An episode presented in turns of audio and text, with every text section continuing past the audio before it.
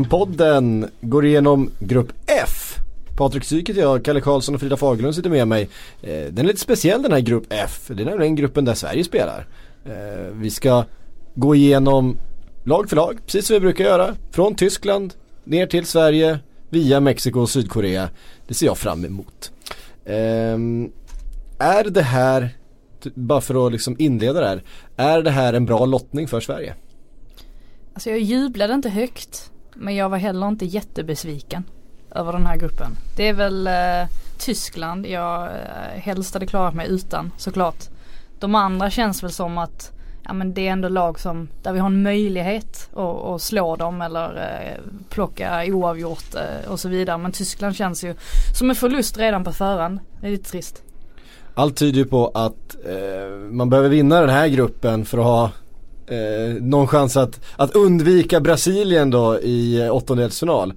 Eh, vi kommer väl till Sveriges chanser att vinna den här gruppen lite senare. De är inte jättestora förstås för vi har ju Tyskland som storfavoriter så vi börjar väl där. Börjar jag kan väl skjuta in där bara en liten passus att jag tycker ju det är helt galet att det är så. Jag tycker det borde vara mer nu att man skulle lotta så att det är fri lottning mellan Man kan få vilken etta, gruppetta som helst. Ja. Det borde mer rimligt än att att det är att, eh, för jag menar nu, vet, nu är ju vårt hopp borta. Vinner vi inte gruppen då är det kört. Ja precis, alltså för att gå till kvartsfinal så måste vi antingen slå Tyskland eller Brasilien på vägen. Ja.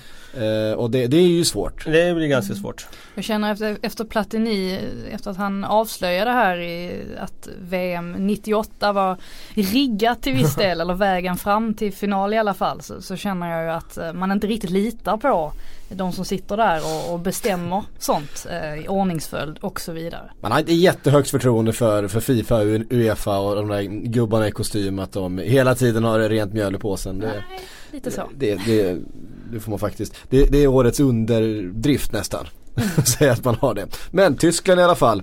Ett av de där lagen som jag har vid flera tillfällen sagt att det finns fyra lag i den här turneringen som är som en egen liten Big Four nästan i, i vad jag ser som chansen att vinna det här. Tillsammans med Frankrike, Brasilien och Spanien eh, så är det Tyskland som jag ser det som har det där kompletta laget. Det där laget som kan vinna mot vilket motstånd som helst. Kan gå in i nästan vilken match som helst utan att vara en underdog och leva med det. Eh, och det är ju ett oerhört ramstarkt lag. Kanske förutom på en position. Och det är allra längst fram och det var ett tag sedan vi hade en riktigt profilerad eh, tysk striker. En Oliver Bierhoff, en Klose. Eh, nu var det inte så länge sedan Klose la av men eh, Nej, han har ju Det var ett tag sedan han var, var, var liksom i sin pride Mario Gomez har ju varit där framme och varit den där centertanken och hade väl något mästerskap där han var ganska framträdande men han har inte varit eh, en världsklassforward, det har han inte varit. Och i ett sånt här landslag som har i princip allt annat så är det väl det de saknar. En riktigt eh, säker målgaranti där framme och en forward som, som eh, som matchar resten av elvan. Mm. Du sa innan här Frida, du, sak du tyckte synd om Sandro Wagner. Men det, ja. ja, eh, nej men lite, lite svag för Sandro han, Wagner. Han kommer ju inte med i truppen. Nej. Det säger ju ändå någonting om att det finns, finns kvalitet. Även om mm, på sätt och vis så var han ju lite av en late bloomer när han slog igenom i, i Hoffenheim ganska mm. sent och sen fick han återigen chansen i, i Bayern München. Eh, var en eh, viktig del i förra sommaren när Tyskland vann Confederations Cup. Och gjorde det bra. Men det var ju med sitt B-lag trots allt. Eh, mm. Jag kan, kan ändå lida lite med honom att han inte får, uh, får chansen här. Uh, Nils Petersen valdes före. Dock lär väl Nils Petersen ryka så småningom uh, när den eh, slutgiltiga truppen. Eh, och om vi ska tippa någon att spela där längst fram så är det väl Emil Forsbergs lagkamrat eh, Timo Werner. Ja det mesta talar för det. Det mesta talar för det. Eh, det är klart att eh, i någon värld kan man se Thomas Müller spela längst fram. Men det är nog mer i ett Bayern München som, som eh, parkerar i offensivt straffområde i, i Bundesliga. Jag kan inte se han starta som forward nu för Tyskland. Han skulle jag möjligen kunna se från ett yttermittfält. Eh, om han ska in någonstans i elvan. Så att eh, Timo Werner räknar med att kommer starta och eh, med den servicen han får från en eh, helt otrolig omgivning så ska han i alla fall kunna peta in några mål. Det, det, det är han kapabel att göra. Frågan är om de har den där anfallaren för att vinna hela mästerskapet. Det mm. sätter jag ett litet frågetecken för. Frankrike vann med Stefan Guevars, det är ju vida omskrivet men frågan är om, om, om det går att göra igen. Mm, det det är verkligen det för att även i andra änden av planen så finns det frågetecken. Vi har en Manuel Neuer som förstås har varit första keeper i det tyska landslaget eh, under många år. Har haft en jättetuff säsong ju. Skadades i, eh, var det november någon gång? Oktober, november? Mm, det var tidigt. Eh, och har inte spelat fotboll sedan dess egentligen. Men ikväll kom det nu eh, för bara en liten stund sedan så förväntas han starta i en intern match mot det tyska U20-landslaget. Mm. inte helt säker på om det var ikväll eller om det var imorgon men det är i alla fall snart och då ska ja. eh, Neuer... Tyskland spelar alltså en sån där match mellan A och U21 eller liksom U20-landslaget. Precis. Intressant. Mm. Eh, det var ju det hela svenska folket eh, efterlyste där efter U21-triumfen. Att Sverige och U21 ja, skulle mötas. Det var, det, det var därför jag noterade det. Här, det här är dock en match som går bakom eh, Ja, jag förstår det. Jo, jag förstår det. Jag förstår det. Eh, väldigt mycket en match där Manuel Neuers eh, fysiska status ska sättas på prov och sen ska väl beslut fattas egentligen om han ska följa med till VM eller inte. Eh, om det går att spela för att han är ju första keeper men det finns ju andra målvakter att ta av. Eh, jag kommer ihåg att vi pratade för någon vecka sedan eh, om eh, Loris Karius chanser att komma med i, det här VM, i den här VM-truppen. Hans, hans insatser i Champions League-finalen kanske inte stärkte de chanserna nu. du säger det? Efter, efter Neuers eventuella deltagande då, vi får se. Eh, det känns väl som att eh, Kevin Trapps VM-öde avgörs väl lite beroende på om Neuer hänger på eller, eller inte. Skulle Neuer bli klar så lär väl Trapp bli den som offras. Mm. Ehm, och om Neuer bedöms kunna spela, går han in och startar direkt då trots att han spelat så lite den här säsongen? Ja, ja, de har ju så otroligt bra målvakter. Jag, jag tycker inte det. Trots att han är Terstegen. Ja, eftersom Terstegen är så otroligt bra ja. Så tycker jag det är ett säkert kort. Samtidigt så får ju såklart Löv bedöma hur pass eh, liksom trygg han är med Neuer. Men matcher för en målvakt det är ju väldigt viktigt för man tappar fort tajmingen. Mm. Och målvaktsspel handlar ofta om timing. Det handlar inte så mycket om att rädda skott för det kommer han klara av. Men just tajmingen i utrustningar och tajmingen i, i beslut det är liksom och har man inte spelat matcher på länge så tappar man lätt den. Mm. Eh, ett Tyskland som, eh, får vi också säga, är lite eh, inne i någon slags generationsväxling här. Inte för att det har påverkat dem sådär jättemycket. De har sett väldigt, väldigt bra ut och generationen som kommer ser också oerhört intressant ut. Man åker med sitt B-lag som du sa vinner Confederations Cup. Väldigt mycket juniorlaget. Eh, förra sommaren och såg oerhört bra ut och har massor med talang på gång. Men sätter ändå en del frågetecken om man ska satsa på erfarenhet eller om man ska satsa på de här lite yngre, mer frejdiga kanske. Med eh, framtiden för sig eh, när man ska ta ut den här startelvan. Jag tänker på en spelare som Mesut Özil. Eh, en spelare som Sami Khedira som har varit med länge. Eh, de kommer ju spela, de kommer förmodligen starta men det finns ju spelare som knackar på där. Ja, jag tycker väl någonstans att en, eh, en liten blandning eh, vore på sin plats ändå. Eh, som du säger, det finns ju vissa spelare som man absolut inte petar som en eh, Tony Kroos. Känns Han är svårpetad. jättekonstigt att sätta på, på bänken. Eh, men sen, sen finns det ju ändå ja, men en sån som Sané som, som man har lyft mm. väldigt mycket under den här säsongen som ser väldigt spännande ut. Och, man har en Goretzka som det har snackats extremt mycket om på bänken och kunna slänga in. Det egentliga frågetecknet som jag har sett det i, i Tyskland har ju varit Boateng huruvida han skulle bli eh, spel klar eller inte. Eh, det känns som att eh, utan honom så det vore ett oerhört stort avbräck. Jag har nästan sett det som ett större avbräck än, än att Neuer inte skulle spela. Mm. Eh, Jerome Boateng som också har dragits med en del skador. Eh, lyfter ju vilket, vilket eh, försvar som helst till en ny nivå om man spelar med sin, eh, sin palett utav fotbollskvaliteter. Eh, får man ändå säga med, ja, framförallt med sina fötter och sina uppspel och ja, bara sin fotbollskunskap. Varit en av världens bästa mittbackar de senaste åren så att det är klart att han kommer saknas. De har ju bra ersättare i Syle och så vidare men Boateng det, det är en annan nivå. Mm. Mm. Och vi tänker oss att det är Boateng och Hummels som, som startar där tillsammans igen. Bayern Münchens 1 och 2. Mm. Och så har man ju Kimmich där som ändå har axlat den här Filip Lam rollen eh, mm. väldigt väl eh, de senaste åren. Och eh, är ju en poängspelare också. Eh, mm. Så där har man ju ytterligare ett eh, offensivt vapen. Mm. Om ni tar ut hur ni tror att de kommer ställa upp i premiären? Alltså de har ju växlat jättemycket spelsystem. Jag noterar inför bibeln här. De spelar 4-2-3-1, de spelar 4-1-4-1, de har spelat med trebackslinje 3-4-3. Mot Danmark i en träningsmatch så testar de 3-5-2. Så de har verkligen laborerat men det verkar jag tror att det blir 4-2-3-1 när väl mästerskapet är där och då skulle jag tro att det blir Kimmich, eh, Boateng, Hummels och till vänster Hector ja, kanske? Ja, Hector borde det bli. Eh, och sen på mitten antar jag att det blir Kroos Kedira som sitter mm. trots allt. Och sen den där offensiva trean är väldigt svår att förutspå eftersom det finns så många alternativ. Men jag sätter dit Özil för han har hög status i landslaget fortfarande. Ja, ja. Jag sätter dit Sané till vänster för jag älskar Sané. Eh, och till höger det blir säkert Müller ändå. Ja. Bara på mästerskapsrutin och och att han ska Men om du skulle förbättra på den där målhis, äh, målfaset Ja precis, han, han, ska ju slå ett rekord där ja. också. Eh, och sen eh, Timo Werner på topp. Och vad hittar vi på bänken? Och vi hittar en Goretzka, vi hittar, ja, vi hittar ju alla. Alla får ju sitta på bänken. Men ja, du har Draxler, du har Goretzka. Goretzka ja. som är övertygad i stort i för, för, förra året. Ja. Eh, Gündogan också. Gündogan. Gündogan förstås. Royce. Ja. Marco Royce. Eh, Ja, ja det, det finns lite att, att, att välja mellan. Det finns massor att välja mellan. Och ett Tyskland som jag, har jag fel när jag säger att de tillhör den här elit, eh, den gruppen elitlag som, som kan gå hela vägen och vinna det här mästerskapet? Jag ser dem som favorit.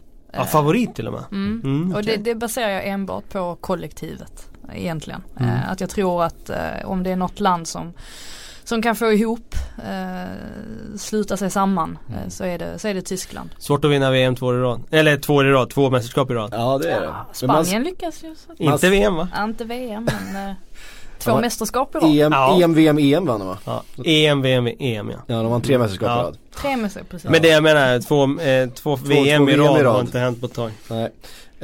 Um, hur den är så eh, kommer de vara favoriter till att vinna den här gruppen. Eh, mot sig i sin första match kommer de vara Mexiko. Mm. Ett Mexiko som eh, jag tror många här hemma i Sverige har dålig koll på. Det finns ett par namn förstås som man känner igen. Eh, en Hernandez, Chicharito, inte minst. Eh, kanske någon som kommer ihåg Dos Santos, eh, bröderna. men vad har vi för nyckelspelare i det här mex mexikanska laget? Eh, ja, jag fick ju uppdrag till bilagan och granska Mexiko. Jag tog ut nyckelspelaren då i Chua, Ochoa, målvakten mm. som vi känner från Ajaxo i, i Frankrike. Han är ju eh, säkert känd för den svenska tv-publiken för att han har gjort sådana där fantommatcher då och då. Som Inte minst för Mexikos landslag. Ja, dels för Mexikos landslag men även för eh, Ajaxo i ligan. Och han eh, har nog varit en sån där spelare som många tycker borde få chansen i, i en större klubb. Samtidigt så när kamerorna inte är riktiga, riktade på Korsika och Ajaxå så har han väl inte övertygat lika mycket. Så att eh, det, han är en, eh, en målvakt som har en väldigt hög högsta nivå och en ganska låg lägsta nivå. Han blandar och ger. Men han är ju såklart en nyckelspelare eftersom de behöver trygg utpost där bak. Sen har jag satt Miguel Lajon som vi känner från Watford.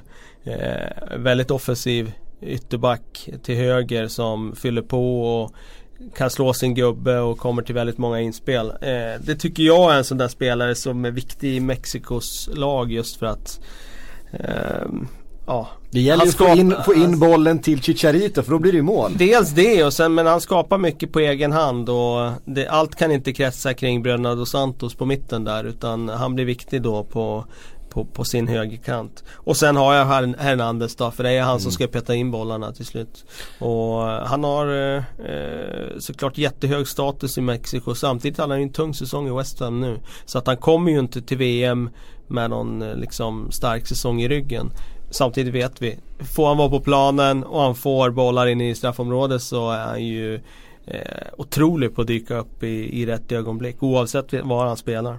Ja, nästan oavsett form man har. Man kan tycka att han är i usel form men Han gör mål. dyker bollen upp där så han gjorde väl ändå tvåsiffrigt i, i, i ligan Jag i år tror att han kom upp i tvåsiffrigt. Ja, det, Jag det, var, det kändes ändå som att han, åtta. Ja, eh, de dök upp där och han kan ju göra mål på alla sätt också. Jag menar, slår de på pannan på honom så är han ju en, en oerhört stark eh, huvudspelare. Ja, han gör inte så många mål från distans. Nej det gör han inte, Nej. det är ju inne i boxen. Han har väl knappt gjort ett enda mål i Nej. sin karriär utanför, utanför Och det är faktiskt lite intressant med hans roll i Mexiko för den är eh, kanske inte som man tror som ren straffområdesspelare. Det är ju där han är som bäst. Han är ju en, Mm. en eh, straffområdesspecialist. Men hans roll i Mexiko det är faktiskt en mycket friare roll där, han, där de spelar egentligen han som falsk nia. Det låter jättekonstigt, det ser konstigt ut i ansiktsuttrycken men det, det är verkligen så att han spelar mer som falsk nia, droppar ner och är med och styr spelet. Så de spelar ofta i praktiken utan anfallare.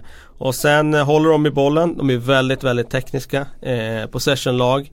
Eh, och sen kommer de instörtande i straffområdet när de väl hittar den där läget ut på kanten eh, till de som kan spela in den och då kommer de med fart snarare. Så att eh, han har en lite annorlunda roll än vad han hade i Premier League. Men eh, eh, det är klart att lagkamraterna vet att det är han som, som ska ha bollen när det väl ska till Mm. avslutslägen. Ett av mina starkaste mexikanska intryck under våren det var ju när eh, Zlatan eh, gjorde debut i Los Angeles derbyt och Carlos Vela Mhm. dundrade in ett mål från distans. Mm. Hamnade lite i skymundan på grund av Lite grann. på grund av ja. Zlatan. Men jag minns det. Eh, så där finns ju också ett, eh, ett otroligt eh, vapen. Ja. Carlos Vela är inte den första spelaren som har hamnat i Zlatans skugga sådär. Nej, och, och, och fått känna på, känna på den för att den är, den namn är, på en lång lista. den är, stor och kall den där Ja, skuggan. Så, det får man säga. så är det. Nej men sen är det lite frågetecken har det ju varit till Giovanni, Mm. Giovanni dos Santos då, som har dragits med skadeproblem och så är det ju förbundskaptenen har varit väldigt tydlig med att alla måste vara helt fit for fight. Han kommer inte ta med några spelare som är 90% utan man ska vara 100 om man ska, ska vara med i truppen. Och eh, han hoppade in senast vad jag förstår Giovanni dos Santos då. Eh, och eh, Ja det är klart, Dos Santos-bröderna, han och Jonathan är väldigt Mm. viktiga där på centralt mittfält. De spelar 4-3-3 ofta. Eh, eller 5-3-2. de har testat lite olika de också. Eh, men eh, jag skulle tro att det blir typ 3-4-3 nu för det verkar vara det de har fastnat för. Eh, och då kommer de inte få plats med båda. Eh, inte på mitten i alla fall, då får Giovanni ta kliv upp och frågan är om han har benen fortfarande för att spela en sån roll. Så att jag, jag, Han måste jag, vara, hur gammal är han? Han måste vara eh, en bit över 30 nu va? Känns som han varit med hur länge som Nej, helst. inte en bit över 30 det tror jag inte. Kan han vara 89 eller något sånt där? Jag ska kolla upp det. Ja vi får kolla, vi får, vi får kolla det. Ehm, Medan vi eh, funderar lite grann på eh, om Mexiko faktiskt är ändå då favorit att knipa den här andra platsen. Vad tror du Frida? Jag tycker det är I gruppen. eh, Jag tycker faktiskt att det är väldigt, väldigt jämnt ändå mellan Sverige, Sydkorea och Mexiko. På förhand känns det ändå svårt att peka Han är ut 89, någon ja. som, Mm.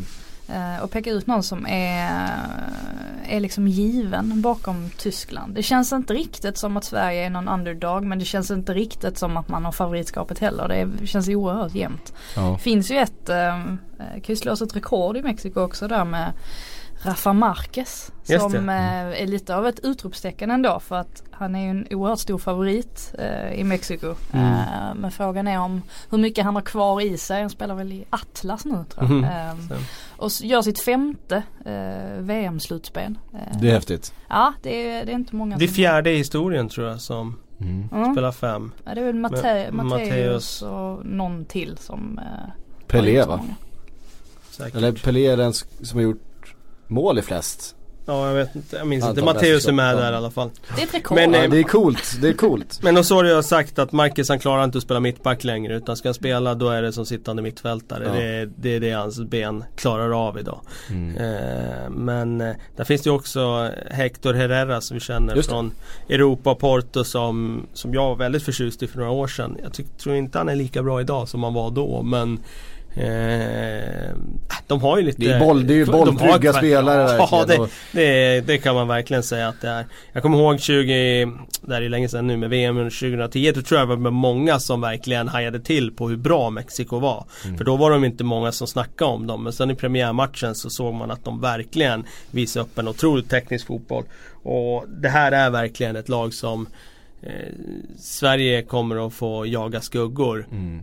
Men det går att straffa dem på omställningar och det, det är det Sverige kommer försöka göra. Mm. Eh, oerhört bolltryckt och eh, hade ju inga direkta problem i sitt kval att ta sig till det här eh, mästerskapet. De, de vann ju det Concacaf-kvalet eh, överlägset. Eh, inte världens eh, tuffaste konkurrens i det där kvalet heller.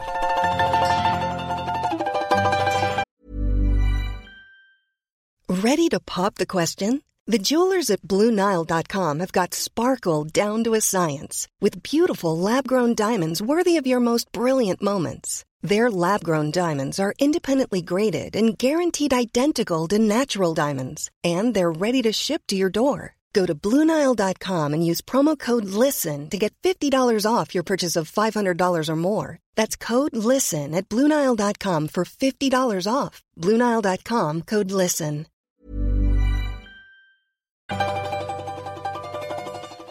Och när vi rör oss då från eh, Mexiko till Sydkorea så måste vi nämna förstås vårt quiz vi har där man fortfarande kan gå in och spela på Sportbladet som vi har tillsammans med vår sponsor Hyundai.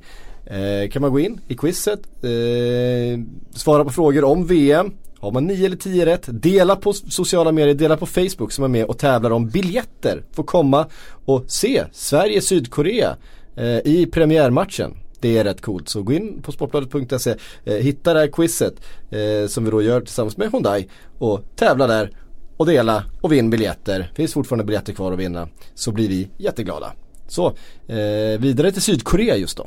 Och igen ett lite svår, ett svårscoutat lag skulle jag säga. Det finns ju förstås några spelare, en Jongmin Son och så vidare som man eh, har väldigt bra koll på och som kommer från starka säsonger. Men, men tittar man på hur de ställer upp sig, en del namn som i alla fall är helt obekanta för mig.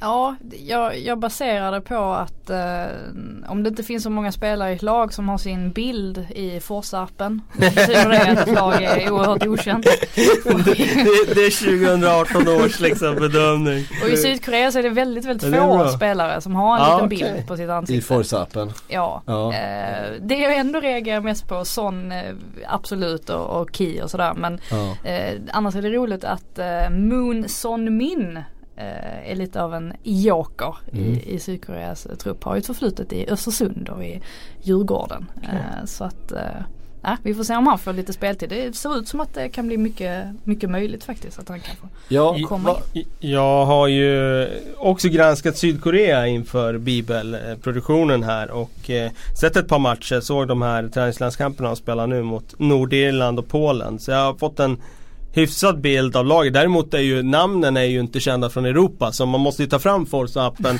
nu när man ska läsa namnen. Ja. Men jag kommer ihåg dem från planen och eh, det är klart att John Min Song är ju såklart eh, alltså, det vilken, vilken inte, spelaren? Det är en mm. eh, turism så att säga. Det behöver vi inte ens eh, eh, konstatera.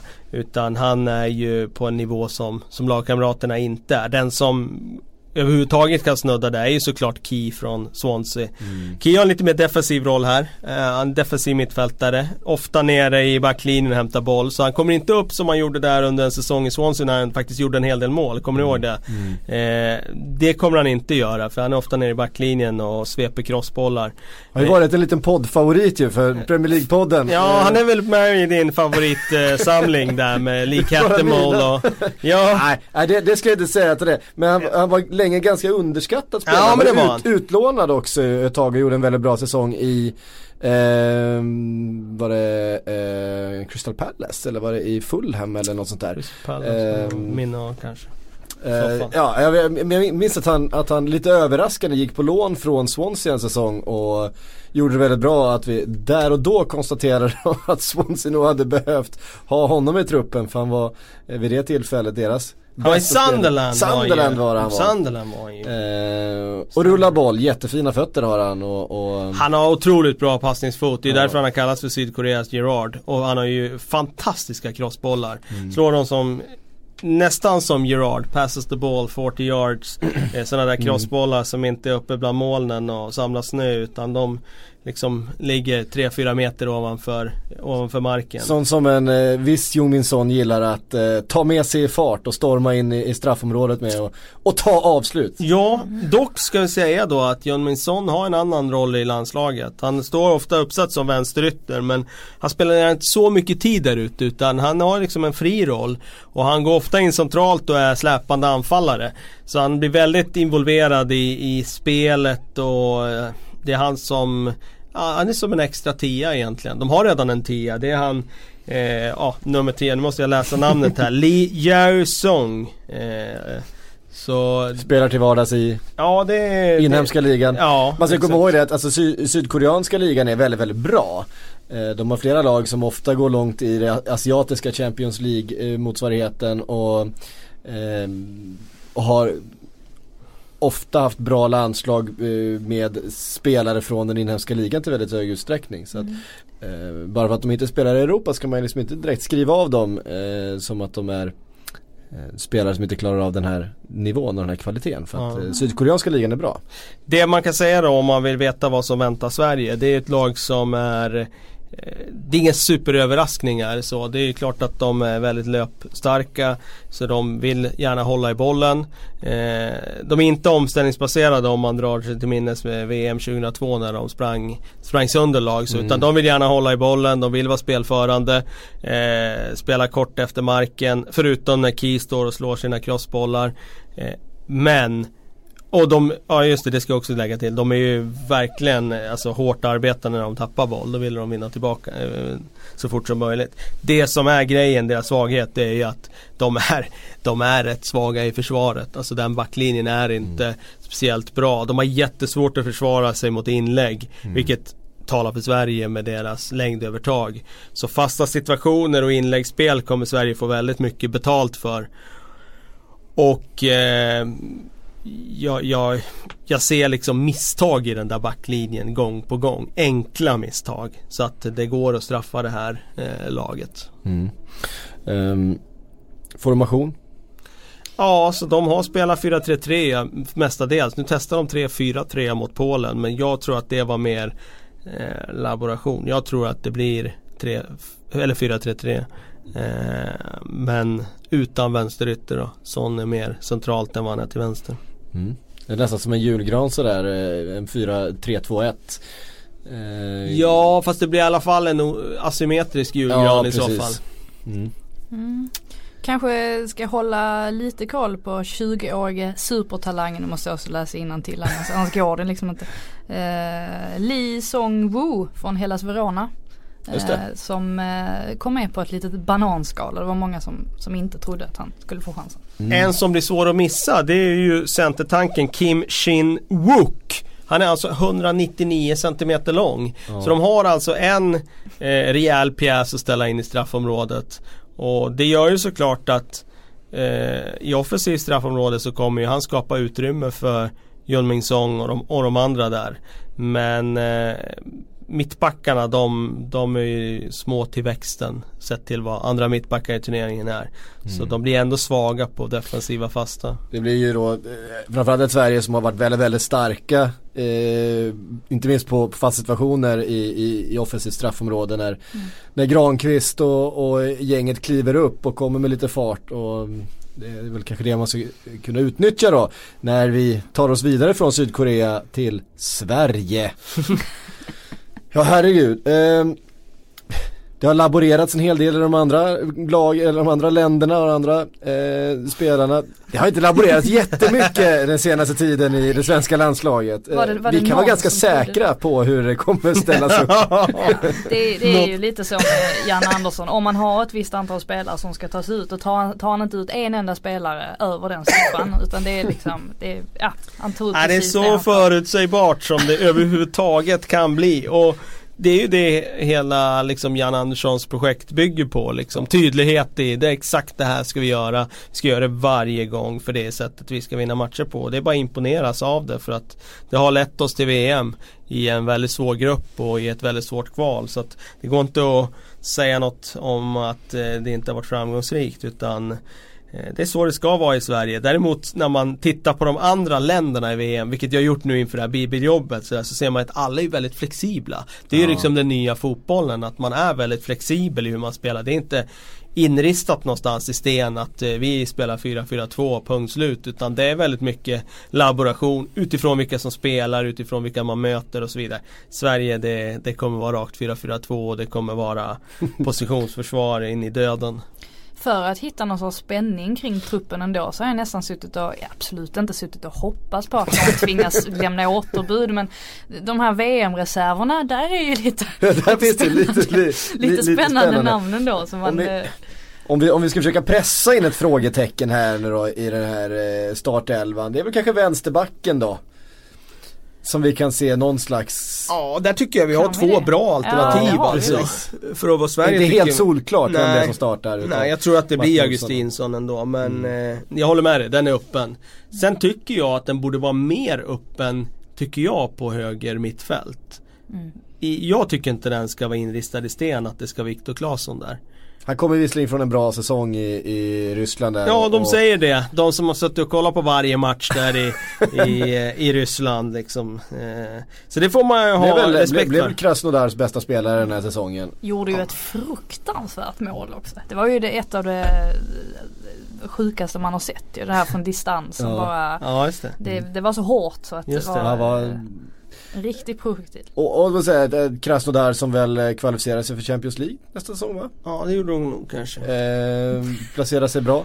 Så att eh, han har ändå gjort vissa avtryck där även om man inte har sett honom speciellt mycket. Så jag hoppas på. Men hur hade du velat ställa upp eh, istället? Nej jag säger inte istället, jag säger bara att jag tycker inte den borde vara inristad i sten. Mm. Eh, jag tycker vänsterback är den som är allra mest eh, eh, liksom det går att diskutera. Och så finns det en position till och det är den.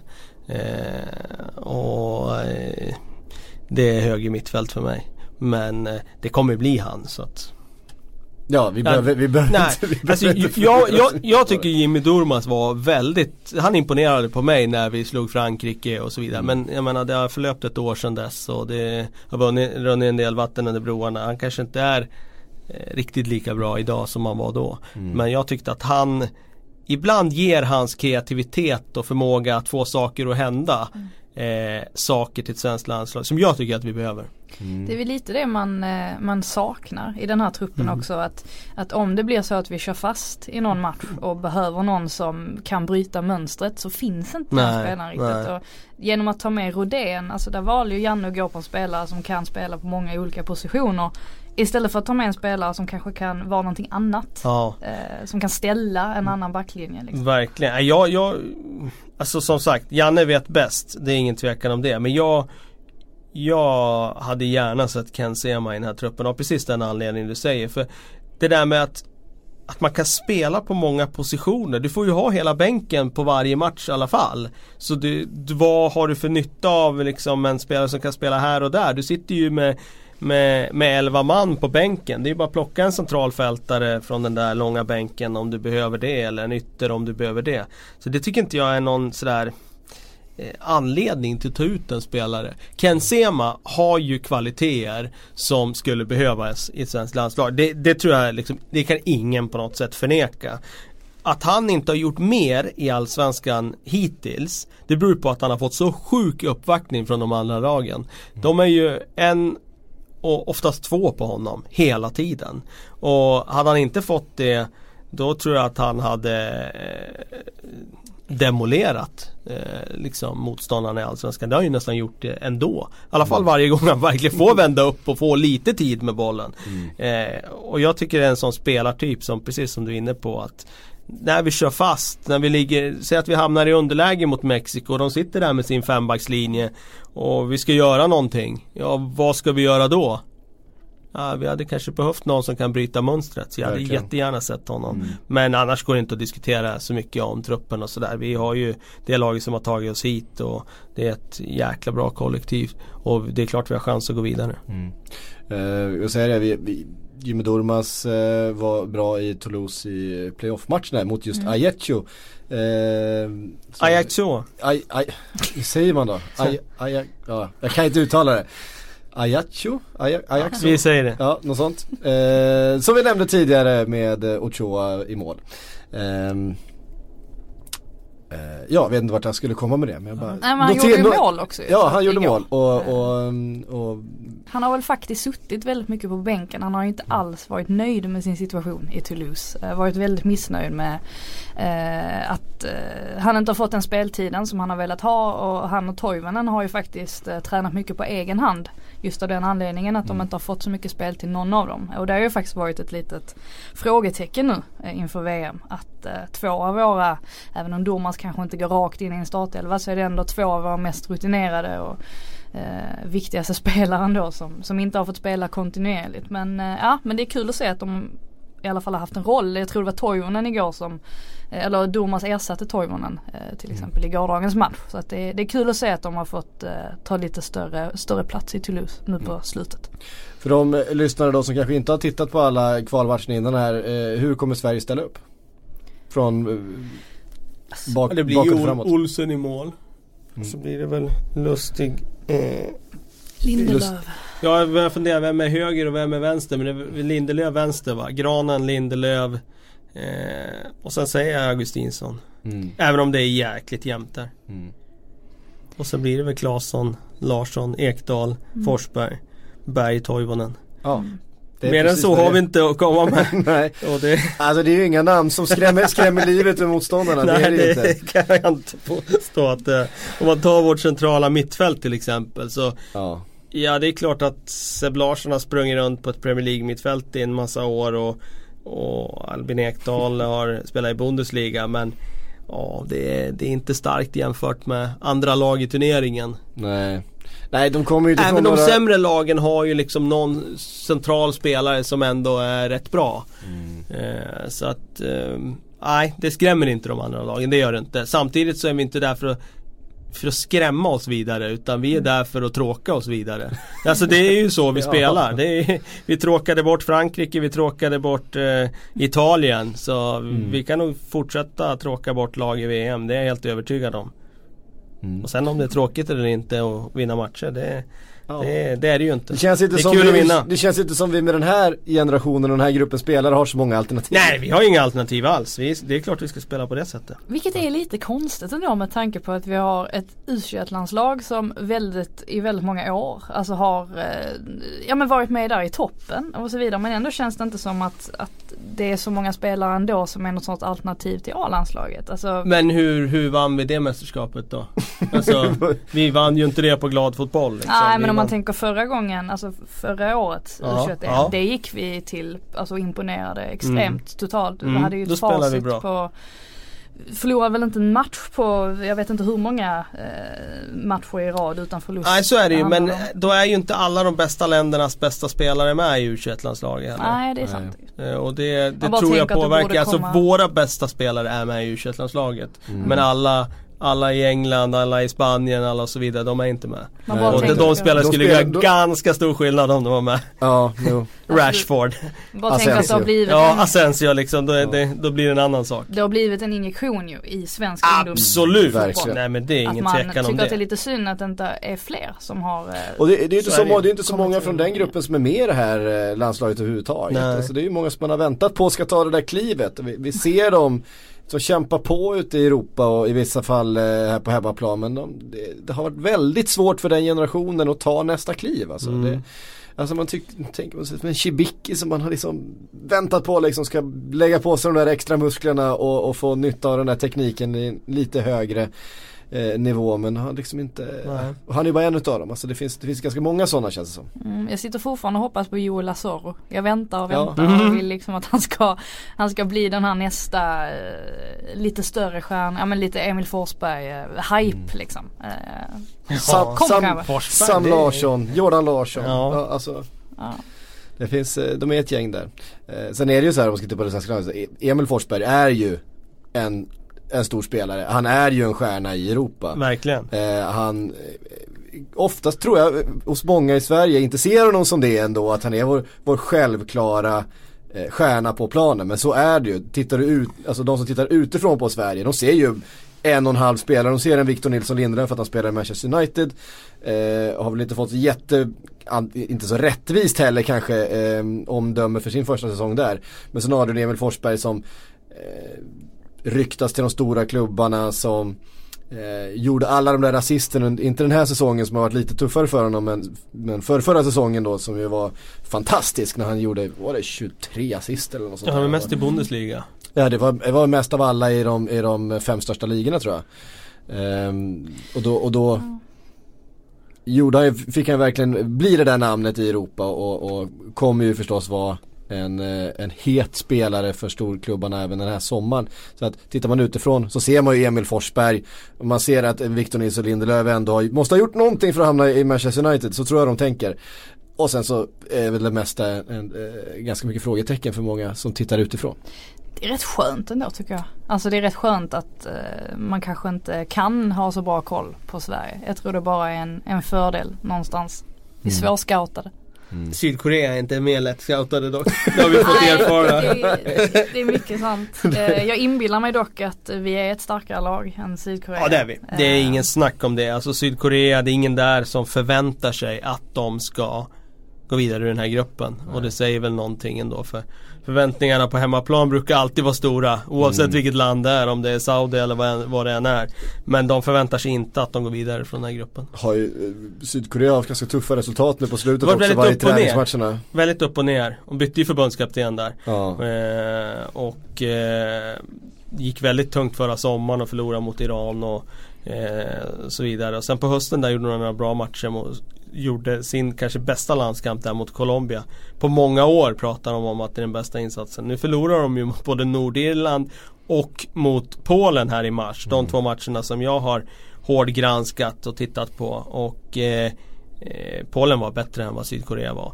När det gäller Nordirland så spelade faktiskt Sydkorea rätt bra. De spelar faktiskt ut dem. Men eh, som sagt, de har misstag i den där backlinjen som kan släppa in mål när som helst. Ja, sist men inte minst då. Uh, hur går det den här gruppen? Vi har väl konstaterat att Tyskland vinner den. På nio poäng. Ja, det vore ju sensationellt om de inte gör det. Sen är ju jag, alltså jag, jag tänker alldeles för mycket med hjärta när jag tippar. Uh, jag är ju aldrig liksom förnuftig uh, och rationell. för någonstans så så tror jag ändå att Sverige kommer få tufft att ta den där andra platsen. Och då tänker jag främst på Mexiko. Ehm, men jag säger Tyskland-Sverige. jag kan inte låta bli. Nej, jag tror också att eh, det ligger rätt i tiden nu och, och, och spela som Sverige gör. Så jag tror att Tyskland är ohotad detta. Men jag tror att vi kniper andra platsen. Eh, och det kommer se ut ungefär som vi gjorde i, i kvalgruppen. Vi kommer vara så extremt disciplinerade och bjuda på så otroligt lite. Och när vi får chansen själva så kommer det vara eh, ett lag som, som hugger. Eh, och förmodligen någon ny, någon ny stjärna som kliver fram. Varför inte Marcus Berg i ett VM? Mm. Sen kommer det bli så att i åttondelsfinalen kommer bli exakt likadan som 2006. Ja när exakt vi först, så. vi, för, vi först hånas i flera dagar innan matchen av eh, brasiliansk eh, media. Och sen så kommer vi åka på en sån riktig, någon blir utvisad tidigt och eh, ja. Det är helt kört. Ja. ja. och vi vill liksom bara glömma bort det här och ja. gå vidare. Vi vill åka hem i halvtid. Det, liksom. det, är exakt så jag, det, det jag ser framför mig också. Exakt det jag ser framför mig. Vi, vi tar oss vidare och sen åker vi på en sån där brutal påminnelse om att ah, det är en bit kvar ändå till den absoluta toppen. Ja men vi ställs där, vet, det är så här, eh, Granen och, och Vigge och så Lustig ställs då mot Neymar och Gabriel Jesus och Coutinho och, och sådär. Så kommer det gå lite för fort och så, så vill man hem i halvtid. Det, det är lite det ni känner eller? Men så länge vi har kul på vägen så är det lugnt. Alltså, kaffet var gott, det tar vi med oss. Precis. Eh, man kan alltid bli kanon på midsommar. Som en viss Glenn Hussein konstaterar. Precis. Eh, det var Grupp F hörni. Eh, tack för att ni har lyssnat. Eh, Sillypodden är igång. På onsdag eh, tillbaks med nytt avsnitt. Eh, Banco Frendén om ni vill grotta ännu mer i Sverige. Så pratade de mycket Sverige i förra veckans avsnitt. Eh, och på fredag kommer den avslutande och femte delen från deras hörna av den här podden. Grupp G är det här näst. Den kommer om några dagar. Tills dess, vi hörs.